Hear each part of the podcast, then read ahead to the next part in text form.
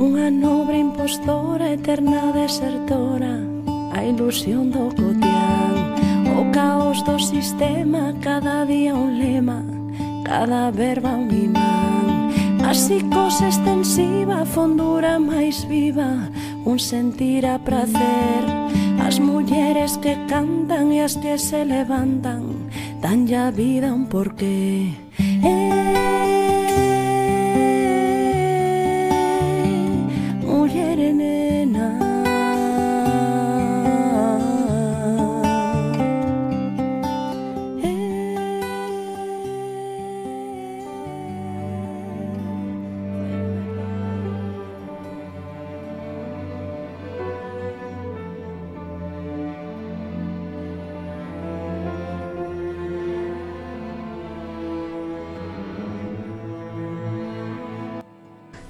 Isolina Villaverde Cendón. A miña vida non tiña que ter sido coñecida. Eu era unha rapaza como tantas, que nacera en Mourente, casara co seu mozo de toda a vida, tivera tres fillos e traballaba as leiras para sacalos adiante. Pero todo mudou cando o 23 de agosto do 36 o cadáver do meu home apareceu nunha curva de Bora. Chamábase Aurelio Torres e levaba agochado desde o golpe militar. El era canteiro, sindicalista, e non lle gustaban nada os curas nin a igrexa. Viñeron buscalo á casa ben de veces, e como non o atoparon, levaron libros, levaron cartos, levaron xoias, levaron o todo. Un día o meu neno, o maior, o Francisco, que daquela tiña oito anos, enfrontouse a eles, Dixo que deixaran de revolver, que o seu pai non estaba, e deronlle co fusil tan forte que tirarono de costas e quedoulle a marca na pel. Logo volveron a marcar, para sempre, deixando o orfo. Tiraron o corpo mutilado do seu pai nunha curva, á vista de todos. Ainda que sabía que a él non lle gustaban os curas, eu leveino á igrexa, facerlle un responso, pero o cura non o deixou entrar. Dixo que ese rojo non puña un pé na igrexa, e nin sequera nos deixaba enterralo no campo santo. Así que deixei ao meu home para sempre nunha tumba sen nome e mantiven o seu recordo agochado no silencio, mas nunca esquecín. Nunca. Deixei atrás os rezos e xa máis, nos 54 anos que me quedaron de vida volvín pisar unha igrexa. Non. Se a igrexa non era boa para o corpo sen vida do meu home, tampouco era boa para min. Esmaguei a rabia co sacho, na leira, e naquel cachiño de terra, herdado da miña nai, furtei a fame aos fillos. Agora é a miña neta a que desenterra o nome do seu avó da tumba do silencio. Son Isolina Villaverde Cendón, e a barbarie furtoume a vida, que planeara cun home bo, o canteiro de Mourente, Aurelio Torres.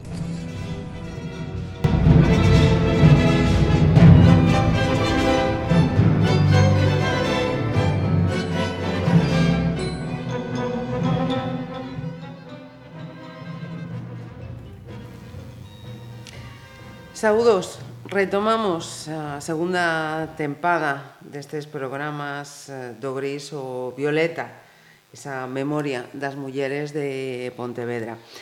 Está comigo nestes estudios de Pontevedra Viva Radio María Lores Torres, que é a neta de Isolina Villaverde Cendón. Benvida, María. Gracias.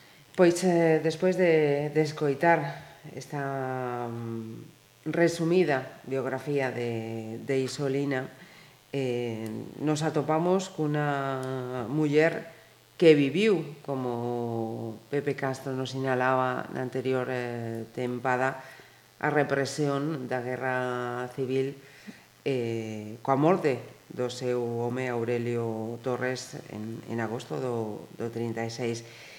E antes de, de comenzar esta esta grabación. María me decía, estaba, estaba ya a preguntar sobre ese homenaxe que lle deran o, o pasado mes de agosto e decía que, que a familia xa tiña despensado facer unha, unha homenaxe ao, o teu avó, no? despois de 80 anos a, asesinado, que xa era era momento. Sí, sí que o pensáramos. Eh, outras veces tamén me decían, e por que non facedes algo? Pero a min costábame moito porque eh, a pesares de que eu non coñecín o meu avó, recordar todo iso eh, doi. Eh, a verdade é que non pensei que doera tanto, pero desta vez xa 80 anos despois a mí xa nos parecía que xa era tempo, que xa facía falla tamén facer algo máis visible e non só recordar a nivel persoal e a nivel familiar. E entón por eso decidimos que este era o ano de, de facer algo. Eh, eh, eu penso, eh, non sei se estás de acordo ou non, que mm, é bo e necesario no? coñecer a historia destas mulleres, a, a historia da, da cidade, pero mm, ás veces pode ser un pouco egoísta a costa da, da, da dor das, das personas eh, da que estamos a, a falar, como pode ser o caso da, da tua familia, non? Sí, pero, pero é absolutamente necesario. Mm, porque senón esqueceríase todo. E é necesario transmitir a vida que pasaron, eh, o que sufriron, que todo eso non son mm, historias, lendas que se contan, son cousas reais, e a vida naquel momento foi moi difícil, e entón eu penso que hai que transmitilo. Os nosos, quero decir, os meus fillos, os meus sobrinhos, a, a propia familia, e tamén os demais, porque senón eh, igual nos creemos só a historia que nos contan e hai outra historia detrás que non nos contaron e que tamén se viviu e que tamén pasou uh -huh. e tamén hai que contala uh -huh. eh, a túa avó o teu avó era unha parella común, normal, coa súa vida na, na parroquia de, de Mourente, non? Eh, el era canteiro, sí a túa aboa pois traballaba na, na casa, no?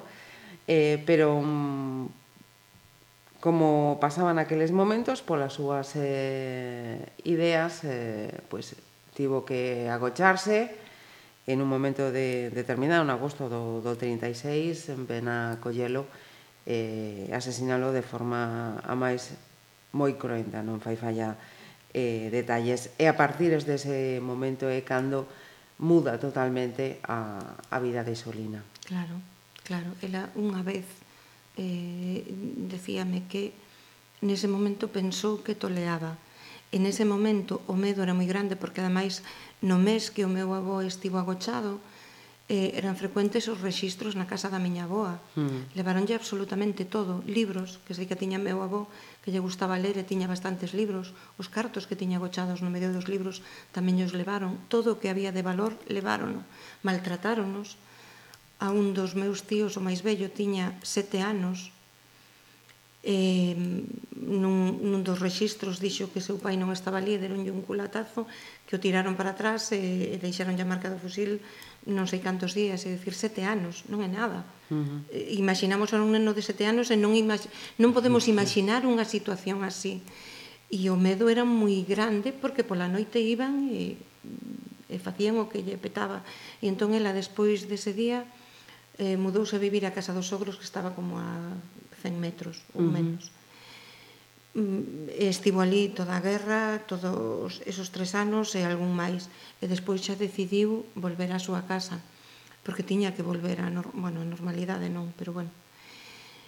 E iba de día, pero de noite durante moitísimos anos aínda iba a dormir a casa dos sogros, uh -huh. porque o medo era inmenso. Sobre todo, eu creo que o que souberon facer mellor os represores era eh, meter medo. Uh -huh.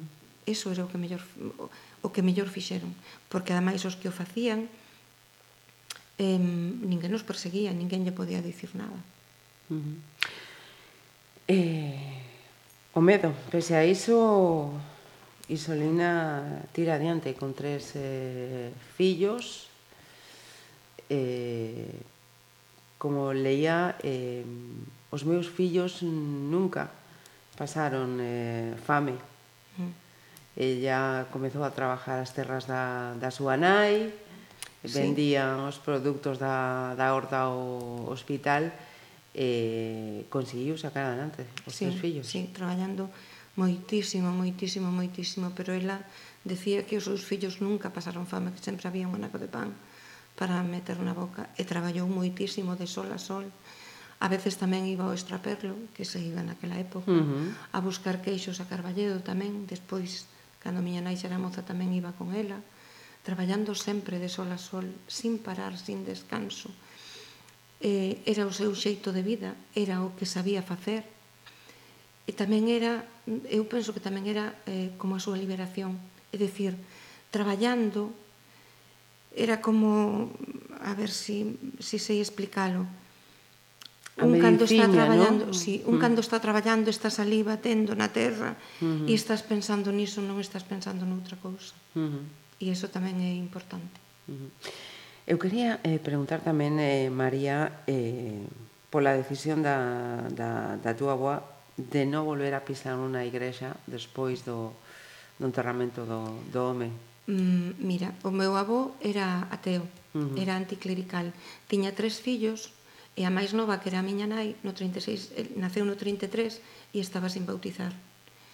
A miña moa si creía o seu xeito, pero o respetaba o que pensaba o seu o seu home e, e bueno, e, daba igual cada e, uh -huh. ela pensaba que cada quen podía ter a súa idea e todas había que respetalas.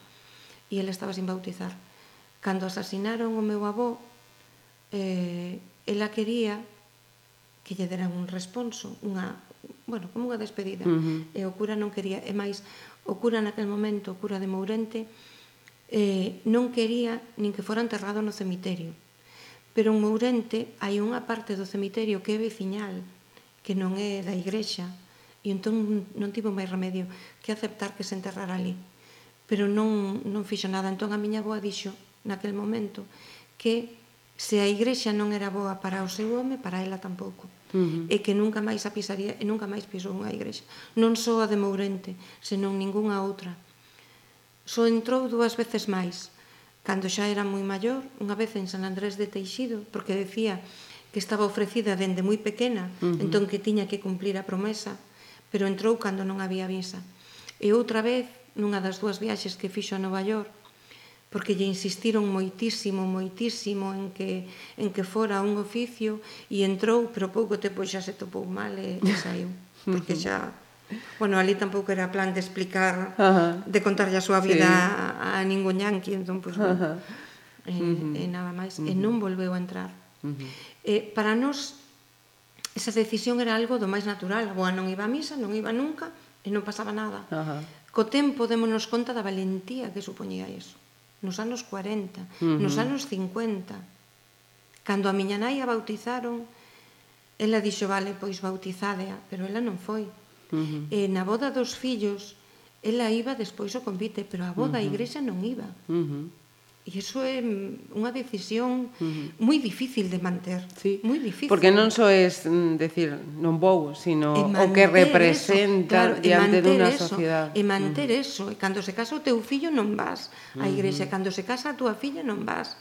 A madriña do seu fillo foi unha cuñada dela, a súa madriña, porque ela dixo que nin ese día entraba. Uh -huh. E é moi difícil manter esa decisión. Uh -huh. E a pesares respectou, por exemplo, a decisión da túa nai que si mantivo a, a crenza sí, claro, religiosa. E que, e... Eh, que, e que eso non, non sí, ten sí. nada que ver. Uh -huh. Eso non ten nada que ver. Sí, sí. E ela nunca... Eh, eh, nunca nos dixo nin ide a misa, nin, nin non, non vayas. vayas. Cando un decide non ir, mm, recordo, a min preguntábame eh, por que deixei de ir, pois porque xa non teño gana de ir. bueno, vale, punto. Sí, sí. Non hai máis que facer que respectar Ajá. o que pensa cada quen. Algo tan simple como eso, e que ela facía con tanta naturalidade, que difícil é. Eh?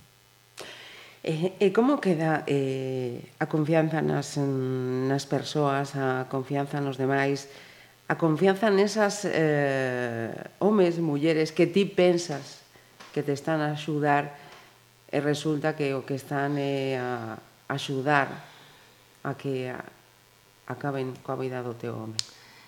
Eh, de todo eso non sei, hai historias que aínda non coñezo ben porque é moi difícil sabelas. Eh, o meu avó non estaba agochado en frente á casa dos pais, mm, o que me contaron, o, o, todo o que me contaron desos episodios non me contou xente da familia, é dicir, por fora, eu fui uh -huh. enterando de cousas.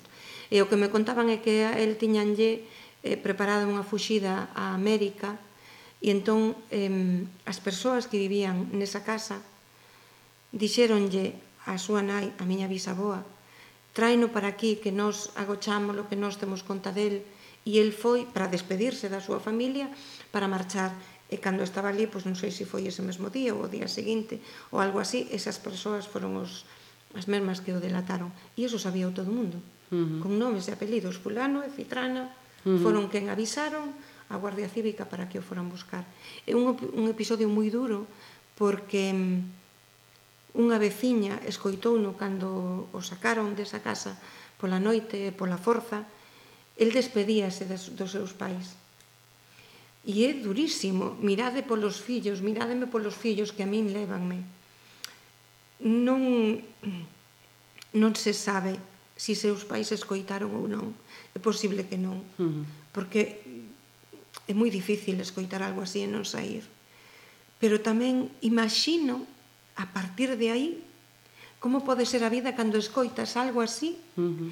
cando non escoitas algo así, e ves o que pasou. Son situacións moi difíciles, Ten que ser durísimas. Eh. Sí. Moi duro, moi duro. Situacións durísimas, durísimas. Uh -huh.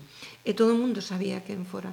Esa xente que o delatou despois marchou. Supoño que o faría por cartos e por conseguir un bo posto de traballo. E marcharon uh -huh. dali. Por conciencia, María.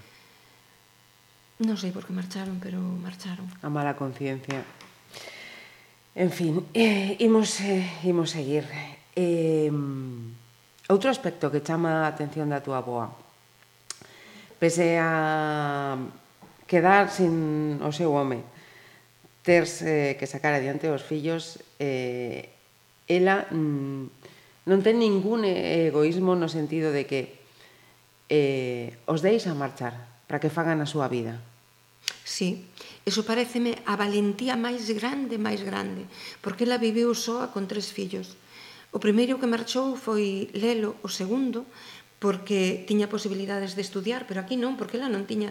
Eh, eh, naquela época non tiñan apenas para comer e para conseguir o que o que o, o, o necesario, estrictamente necesario. Uh -huh. E entón a única posibilidade de estudiar era marchar a Zaragoza a unha escola non, a verdade non sei moi ben nin que escola e deixou no marchar, tería, non sei 15 ou 16 anos ou algo así e deixou no marchar al só el creo que ali que, que tampouco pasou moi ben porque, claro, iba pero era fillo dun roxo e entón, bueno, así, uh -huh. así despois máis tarde empeñouse pediu cartos prestados para que puidera marchar Paco para, para Buenos Aires e despois a Venezuela porque aquí non conseguía traballo e el uh -huh. quería marchar e ela quedou soa coa miña nai durante moitísimos anos, só as dúas, e, e seguir traballando as leiras para poder sobrevivir, porque o único medio de vida que tiñan uh -huh. era traballar a terra. Sí.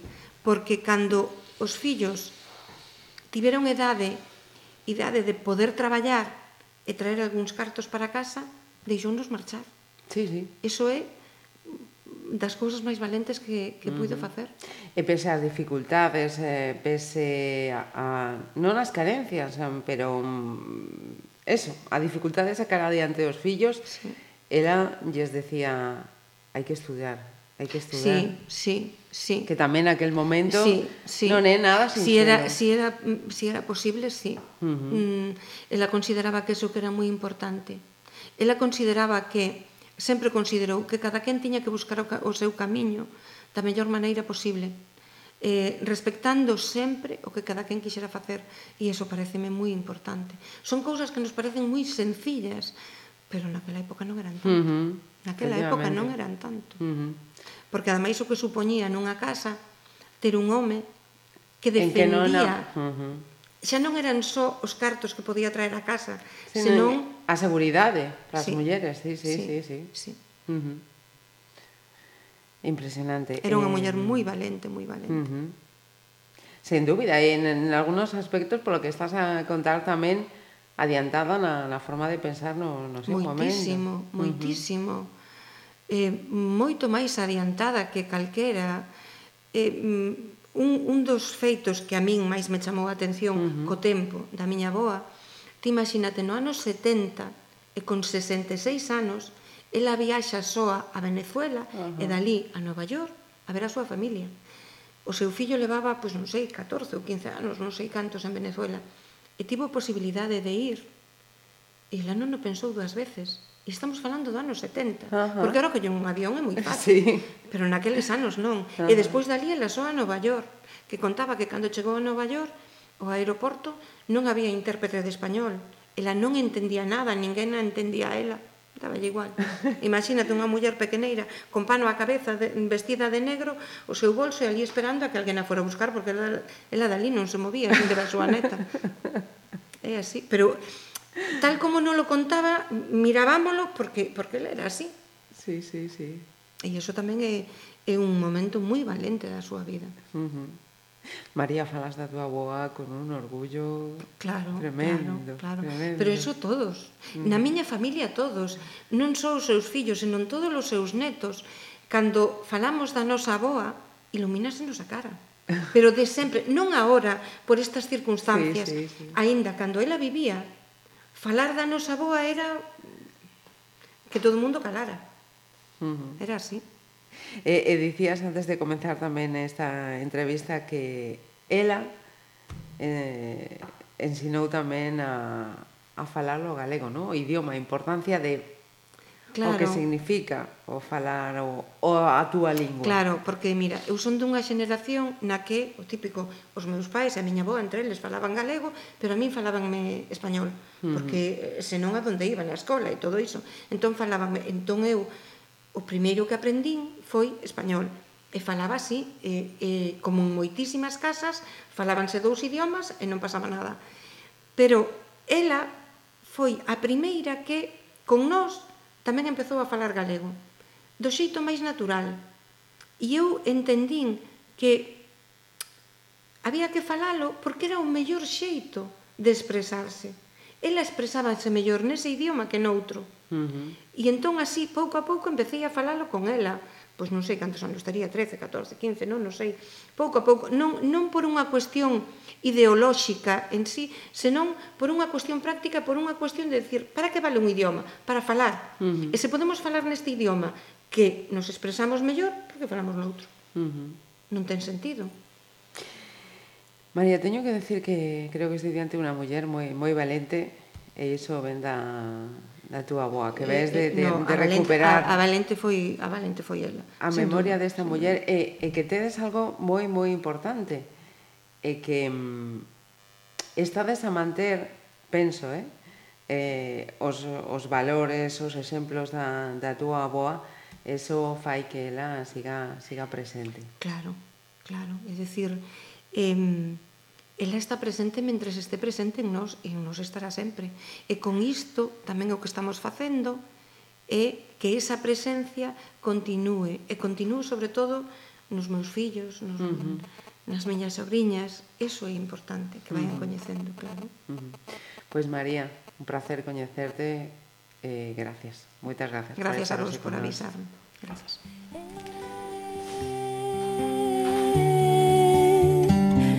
morire nena